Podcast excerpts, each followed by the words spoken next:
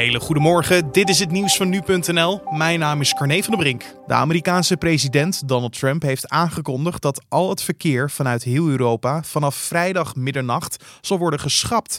Dit vanwege de uitbraak van het coronavirus, met uitzondering van verkeer vanuit het Verenigd Koninkrijk. To keep new cases from entering our shores, we will be suspending all travel from Europe to the United States for the next 30 days.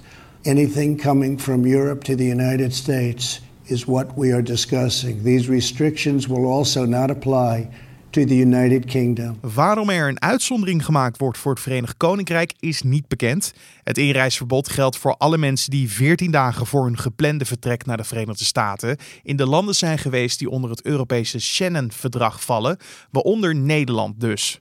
Het inreisverbod geldt alleen voor personen, niet voor goederen vanuit Europa.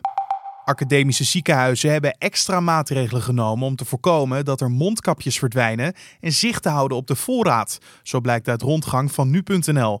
De meest voorkomende maatregel die de ziekenhuizen nemen is het centraal opslaan van de voorraad mondkapjes en andere beschermingsmiddelen.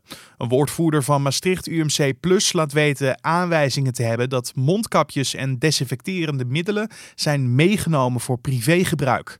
Ook het Erasmus UMC kreeg signalen dat mondkapjes zijn gestolen. Verder vertelt de woordvoerder van het Amsterdamse ziekenhuis dat personeelsleden onlangs op het hart is gedrukt om geen mondkapjes en andere beschermende middelen mee naar huis te nemen, omdat ze schaars zijn en nodig zijn in de zorg. Liverpool is woensdag uitgeschakeld in de achtste finales van de Champions League. De titelverdediger verloor thuis na verlenging met 3-2 van Atletico Madrid, nadat in Spanje al een 1-0 nederlaag was geleden. Voor Liverpool, die ook al zijn uitgeschakeld in de FA Cup, rest nu nog maar één prijs. De club heeft in de Premier League een gigantische voorsprong op nummer 2 Manchester City, waardoor vrijwel zeker is dat de club na 30 jaar weer landskampioen wordt. En bij een raketaanval op een Amerikaanse legerbasis in Irak zijn drie militairen om het leven gekomen en tientallen anderen gewond geraakt.